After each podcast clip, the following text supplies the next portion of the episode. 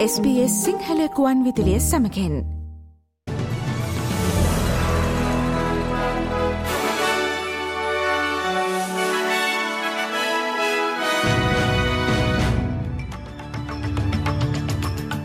මුලින්ම සිරස්තල. අනවසර බෝට්ටු මගින් පැමිණුණු දහනව දහසකට ස්තිරවීසා ලබාදීමේ රජයේ වැඩසටහනට වසර දෙදහස් දාහතරෙන් පසු මෙරටට එසේ පැමිණුණු සරණාගත පිරිස්ත එකතු කරගන්නා ලෙසට දැඩි ඉල්ලීම්. COොVID-19 සීම ඉවත් කළ පසුව මෙරට ක්‍රියාත්මක වෙමින් පැවතුණු අන්ත දක්ෂිනාංශික ක්‍රියාවල අඩුවක් පෙන්නුම් කළද ආගමික අන්තවාදයට සම්බන්ධ ත්‍රස්ත අවධානම ඉහළකුස් ඇති බව මෙරට බුද්ධ්‍යංශ ප්‍රධානයා කියයි.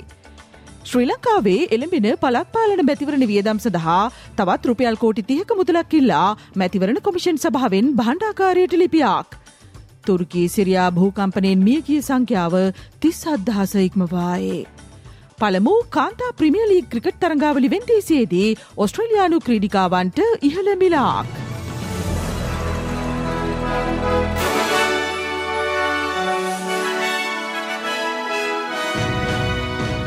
SBS සිංහල සේවේ අද ප්‍රවෘතිගෙනන මම දිනේශා දිල්රුක්ෂී විජේසූරිය. අනවසර බෝට්ටු මගින් මෙරටට පැමිණඩු සරණාගතීන් දහනව දහසකට ස්තිර පුරවැසිභාවය සඳහා ඉඩ සලසන ඔස්ට්‍රේලයානු රජයේ නවතම ප්‍රතිපත්තියට අදාළ කාලසීමාවට ඇතුළත් නොවන සරණාගතීන්ද මෙම ස්තිරවීසා ලබාදීමේ ක්‍රියාවලියට ඇතුළත් කළ යුතු බව සරණාගත උපදේශකයූ පෙන්වා දෙතිේ. රජයේ විසින් නිවේදනය කොට ඇති පරිදි ලබන මාසේ අගභාගයේ සිට තාවකාලික ආරක්ෂණ වීසා සහ සේෆ් හෙවන් එන්ට්‍රපයිස් වීසා මත සිටි සරණාගතයින් දහනවදහසක පිරිසක් ස්තිර වීසා බලපත්‍රයක් සඳහා අයදුම් කිරීමට සුදුසුකම් ලබනු ඇත. එමගින් ඔවුන්ට තම පවුල් නැවතෙක්වීමට අවකාශ සැලසීම සහ රජයේ උසස් අධ්‍යාපන ආධාර යෝජනා ක්‍රමය ආබාධිත රක්ෂණ යෝජනා ක්‍රමේ සහ සමාජ ආරක්ෂණ ගෙවීම් සඳහා ප්‍රවේශය ලබා ගැනීමට ඉඩ සැලසේ. මෙම නවනීතිය දෙදහස් දාහතර වසරේ ලිබරල් සන්ධාන රජය බලය පැවති විටදී හඳුන්වා දුන් තාවකාලික ආරක්ෂණ වීසා ක්‍රමය ක්‍රියාත්මක වීමට පෙර අනවසර සංක්‍රමණික යාත්‍රා මගින් ඔස්ට්‍රේලියාවට පැමිණි සරණාගතීන් වෙත හඳුන්වා දෙන බව වත්මන් ලේබ රජය ප්‍රකාශයට පත් කළේය.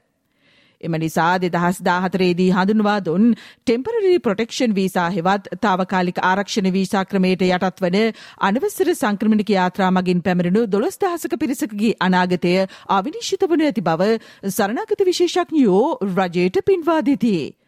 අනවසර බෝට්ටු මගින් පැමිණි සරණාගතීන්ගෙන් ඇතැම් පාර්ශවයක් සම්බන්ධයෙන් වන වත්මන් රජයේ තීරණය කෙරෙහි සතුරු වන නමුත් අනෙකුත් සරණාගතීන් සම්බන්ධවද ක්‍රියාමාර්ග ගැනීම අත්‍යවශ්‍ය බව ඔස්ට්‍රේලියානු ජනවාර්ගික ප්‍රජා කවුන්සිලේ ප්‍රධාන විධායක Mohammed අල් කෆාජී පෙන්වාදේ. The next step is to make sure that there is a plan for the rest of the um, people who are seeking asylum, who are in the process of validating their refugee claim.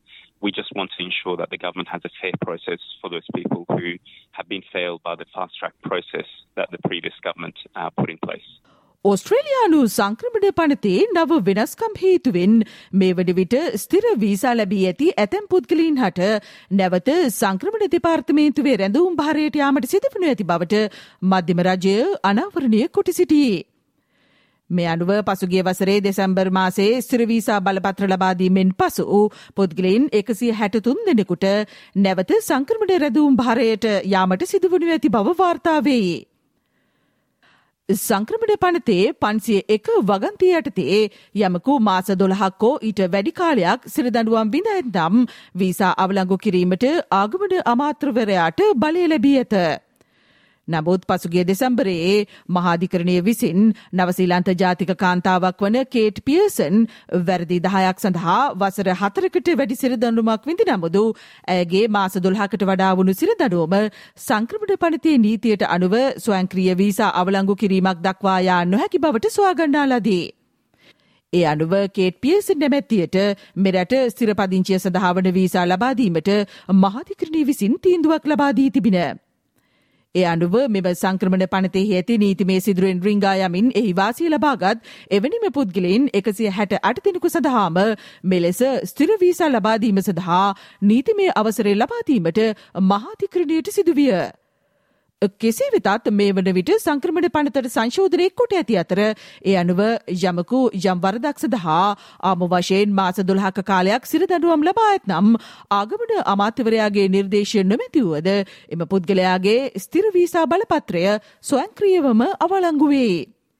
නව සංශෝධනවලින් පසුව මෙම visa ලැබූ පුද්ගලයින් එකසිය හැට අටදිනාගෙන් පුද්ගලයින් දහනව දෙනෙකුගේ ස්තිර visa බලපත්‍ර ආගමන විගමන පනතේ පන්සිය එක තුන වගන්තී යටතේ අහෝසි කරන ලද බව මධ්‍යම රජයේ සෙනෙට් ඇස්තමේතු විභාගයකදී තහවුරු වී තිබේ.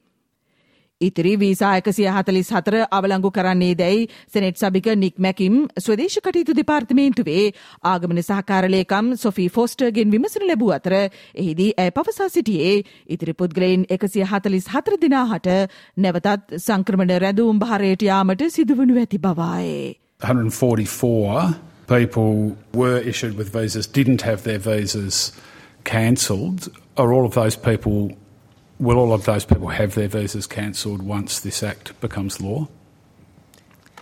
Yes, Senator. Yeah. And that'll happen automatically? Yes, Senator. Yeah. So they will be back in held detention again. That's correct, Senator. කොවිD-19 සීමා ඉවත් කළ පසුව මෙරට ක්‍රියාත්මක වෙමින් පැවතුණු අන්ත දක්ෂිනාංශික සහ කුමන්ත්‍රණය නාය මත පදනම් වූ අන්තවාදය සැලකිය යුතු ලෙස පහත වැටි ඇති බව ඔස්ට්‍රේලයානු බුද්ධ්‍යංශයේ හෙවත් ඒසියෝහි ප්‍රධානයේ මයික් බර්ජස් ප්‍රකාශ කරයි. බුද්ධ්‍යංශය සතුව පවතින ත්‍රස්ත විරෝධී මර්ධන වැඩසටහන් වලින් සියයට හැත්තෑවක්ම ආගමික අභිප්‍රේරිත අන්තවාදය මර්ධනයට අදාල් ඒවා බව ඒ උදෑසන සෙනෙට් ඇස්තමේතු සැසිවාරයට සහභාගී වෙමින් ඔහු වැඩිතුරටත් පවසා සිටියේය. එය දෙදහස් විසියක වසරේදී සියයට පණහක මට්ටමේ පැවති බවද එහිදී අනාවරණය විය. ඔස්ට්‍රේලියාවේ මීළඟ ත්‍රස්ත ප්‍රහාරාවධානම අනතුරු ඇඟවීමකින් අනතුරුව ප්‍රචණ්ඩත්වයට පත් වූ තනි පුද්ගලයෙකුගේ හෝ කුඩා අන්තවාදී කණ්ඩායමක් විසින් සිදු කිරීමට ඉඩ ඇති බවද ඒසියෝහි ප්‍රධානී මයික් බර්ජර්ස් එහිදී අනතුරු අඟවා තිබේ. අන්ත දක්ෂිනාංශික ක්‍රියාවල යම් අඩුවක් තිබුණද ආගමික අභිප්‍රේරිත අන්තවාද ව්‍යාපාරවල ප්‍රචණ්ඩකාරී ප්‍රවණතා පිළිබඳව දැඩි අවධානයෙන් පසුවන බව ඔස්ට්‍රේලියානු බුද්ධ්‍යංශ ප්‍රධානයේ මයික් බර්ජර්ස් වැඩිදුරටත් ප්‍රකාශ කොට සිටියේය. The volatility has uh, reduced somewhat, in particular around the COVID, so there's less angst these days. We're not in subject to mandates. Some of that feeling does live on, but the number of cases we've been looking at, uh, they've, they've reduced significantly. Um, but there is still some volatility in the mix with people who have a range of grievances around uh, social, economic, or some conspiracy theory driven grievance, and a small percentage of them think violence is the answer. So it's still very much in the mix. කොවිD-19 දරුණුව පැවති සමයේදී පනවනු ලැබූ lockdown සීමා කිරීම්වල ප්‍රතිපරයක් ලෙස ඔස්ට්‍රේලියාවේ ළමුන් සූරාකෑම ඉහළ ගොස් ඇති බව ඔස්ට්‍රේලයානු ෆෙඩරල් පොලිසිය අනාවරණය කොටගෙන තිබේ. දෙදහස් විසි දෙක ජූනි දක්වා වන වසරක කාලයක් තුළ ළමා ලිංගික සූරාකෑම පිළිබඳව වඩ වාර්තා තිස්සයි දහසකට වඩා වැඩි ප්‍රමාණයක් ළමා සූරාකෑම මැඩලීමේ ඔස්ට්‍රේලයානු මධ්‍යස්ථානය වෙත ලැබී තිබේ. එය පෙරවසරට වඩා සියයට හැට දෙකක වැඩිවීමක් බවද සඳහන්. ඔස්ට්‍රේලයානු ෆෙඩරල් පොලිස් කොමසාරිස් රීස් කර්ෂෝ මේ සම්බන්ධ වාර්තා පාර්ලිමේන්තු සෙනෙට් ඇස්තමේතු සැසියේදී හෙළිකරුණු ලැබ තිබේ. එහිදී ඔහු පවසා ඇත්තේ ඇමරිකා එක්සත් ජනපදය බ්‍රිතාන්්‍ය නවසීලන්තය කැනඩාව සහ පිලිපීනේ හවුල්කාර ආයතන සමඟ ඒකාපත්ව සිදු කළ විමර්ශනවලදී COොVID-19 කාලසීමාව තුළ සූරාකෑම සහ අපයෝජනවල වැඩිවීමක් පෙල්ලුම් කරන බවායේ. If anything, uh, COVID was an accelerant because a lot of people spend a lot of time online and we're seeing more and more um, of those referrals come in. And of course, we're also seeing the level of sexual violence against children on the rise as well. දැන් ශ්‍රී ලංකාවෙන් වාර්තාවන ප්‍රවෘතියේ. එළඹෙන පළත් පාලන මැතිවරණ වියදම් පියවා ගැනීම සඳහා තවත් රුපියල් කෝටි තියක මුදලක් ඉල්ලා මැතිවරණ කොමිෂන් සභාවේ සභාපති නීතික්ෂ නිමල් ජීපුන්සි හේවා මහතා මහපාණ්ඩාකාරයේ ලේකම්වරයාට ලිපියක් යවා ඇති බව වාර්තාවේ. මැතිවරණ කොමිෂන් සභාවේ සභාපතිවරයා මීට පෙර රුපියල් කෝටි හැත්තෑ හතක මුදලක් ඉල්ලා මහා පාණ්ඩාගාරයේ ලේකම්වරයාට ලිපියක් යොමු කළේය. ඒ අනුව මහා භාණ්ඩාගාරයෙන් රුපියල් කෝටි දහයක මුදලක් ලැබුණු අතර එම මුදල් මැතිවරණයේ මූලික කටයුතු සඳහා වැෑකිරුණු බවද මැතිවරණ කොමිෂන් සභාව ප්‍රකාශ කරායි. මේ අතර නියමිත මුදල් ගෙවනතුරු චන්ද පත්‍රිකා මුද්‍රණය නොකරන බවට රජයේ මුද්‍රණාල අධිපතිනී ගංගා කල්පනාලියනගේ මහත්මිය මැතිවරණ කොමිෂන් සභාවට ඊයේ ලිඛිතව දැනුම් දී තිබේ. මේ අතර මැතිවරණ කටයුතු සම්බන්ධයෙන් මැතිවරණ කොමිෂන් සභාවේ සමාජිකයන් සහ දේශපාලන පක්ෂ ලේකම්වරුන් අතර තීරණාත්මක සාකච්ඡාවක් අද පැවැත්වීමට නියමිත බවද වාර්තාවේ. පවතින ආර්ථික තත්ත්වය හමුවේ කඩිනම් ජනතා සහන සැලසීමේ වැඩපිළිවෙලක් ක්‍රියාත්මක කිරීම සඳහා ජනාධිපති රනිල් වික්‍රමසිංහ මහතා ඉදිරිපත් කළ යෝජනාවට ඊයේ අමාත්‍ය මණ්ඩලයේ අනුමැතිය ලැබී තිබේ. ඒ අනුව මහකණ්ඩේ වී මිලදී ගැනීමටත් දිලිඳු පවුල් ලක්ෂ විස්සක් සඳහා මාර්ච සහ අප්‍රේල් මාස දෙකෙහිදී සහල් කිලෝග්‍රෑම් දහයි බැගින් ලබාදීමටත් අවශ්‍ය ප්‍රතිපාදන නිදහස් කිරීමට කැබිනට් මණ්ඩලේ තීරණය කර ඇත. එසේම සෞඛ්‍ය අමාත්‍යංශයට අවශ්‍ය මුදල් ප්‍රතිපාදන කඩිලමින් ලබාදීමටත් අත්‍යවශ්‍ය ඖෂධ මිලදී ගැනීම සඳහා ප්‍රමුඛත්වය ලබාදී කටයුතු කිරීමටත් කැබිනට් මණ්ඩලයේදී තීරණය වී තිබේ. දැන් විදෙස් ප්‍රවෘතියේ. පසුගිය සතියේ තුර්කියේ සහ සිරියාවේ ඇති වූ භූමිකම්පාවෙන් මීකී සංඛ්‍යාව තිස් හත්දහසක් ලෙසට වාර්තාවේ. මරණ සංඛ්‍යාව සම්බන්ධ නිල දත්ත එසේ වුවද එය බලාපොරොත්තුවාට වඩා බොහෝසෙයින් වැඩිවී හැකි බවද තුර්කී බලධාරයහු පවසතේ. රිච්ට මාපකේ හතයි දශම අටක් ලෙසට සනිටුහන් වනු මෙම භූමිකම්පාව මෙම සියවසේ සිදුවුණු හයවැනි මාරන්තික ස්වාභාවික වැසනය ලෙසටද ඉතිහාසයට එක් වේ. මේ වන විට නිල වශයෙන් වාර්තාවේ ඇති මරණ සංඛ්‍යාව වන තිස් අදහසෙන් තිස්සෙක් දහසකට වඩා වැඩි සංඛ්‍යාවක් වාර්තාවී ඇත්තේ තුර්කියෙන් බවද සඳහන්. එසේම තුර්කයේ ආපදාවට පත් මිලියනයකට අධික ජනතාවක් තාවකාලික නිවාසවල ජීවත් වන බවද වාර්තාවේ. භූමිකම්පාවෙන් දරුණු ලෙස පීඩාවට පත් වූ ප්‍රදේශවලින් එකක් වන තුර්කයේ ගිනිකොන දෙසින් පිහිටි අඩියමෙන්හි පදිංචිකරුවක් වන සරඩාර් ඉනන් මාදයට පවසා සිටියේ මානුෂී ආධාර කඩිනමින් ලැබී නොමැති බවායි. Bu bir hafta çok kötü geçti, çok vahim geçti. Yani perişan olduk. This one week has been bad, really bad. We are devastated. We didn't receive aid or anything for the first three days. This was really painful. Humanitarian aid and equipment began to arrive on the evening of the third day, and it was already too late. මේ අතර භූමිකම්පාවෙන් ආපදාවට පත් සිරියානු ජනතාවට කඩිනම් ආධාර ලබාදීමේ ප්‍රයත්නයන් අසාර්ථක වූ බව එක්සත් ජාතීන්ගේ සංවිධානය පිළිගෙන තිබේ.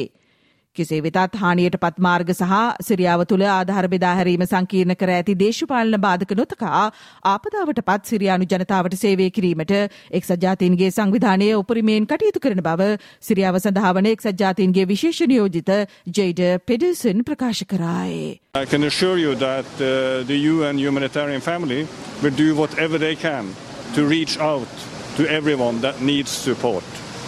So we are trying to mobilize whatever support there is. We are reaching out, of course, to bilateral countries. We are mobilizing funding, and we are trying to tell everyone put politics aside. This is a time to unite behind a common effort to support the Syrian people. දැන් ක්‍රීඩා ප්‍රවෘතියේ. ඔස්ට්‍රේලියාවේ cricket ක්‍රීඩිකාවන් ප්‍රථම වතාවට පවත්වන කාන්තා ප්‍රමියලි cricket තරඟාවලි වෙන්දේසියේදී ඉහළම මිල ගණන් ලබාගෙන තිබේ.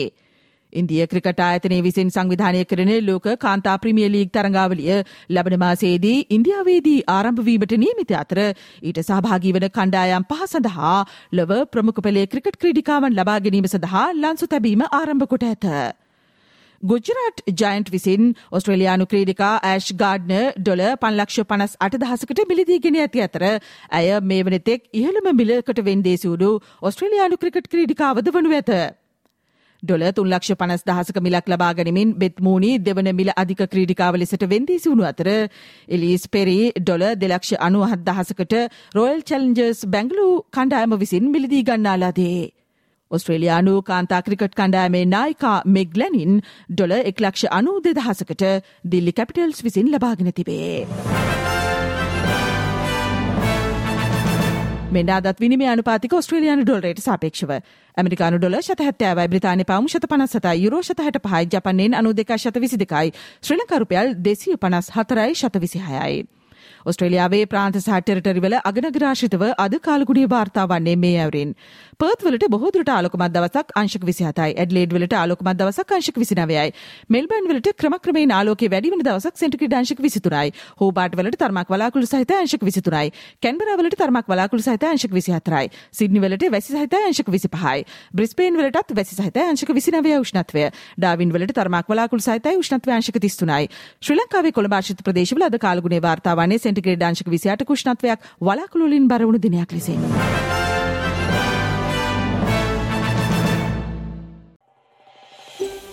මේ වගේ තවත්තොරතුරු දැනගන්න කැමතිද. එහෙමනම් Apple podcast Google podcast Spotify ඔබගේ පොඩ්කාස්ට ලබාගන්න ඕනෑම මාතයකින් අපට සවන්දය හැකේ.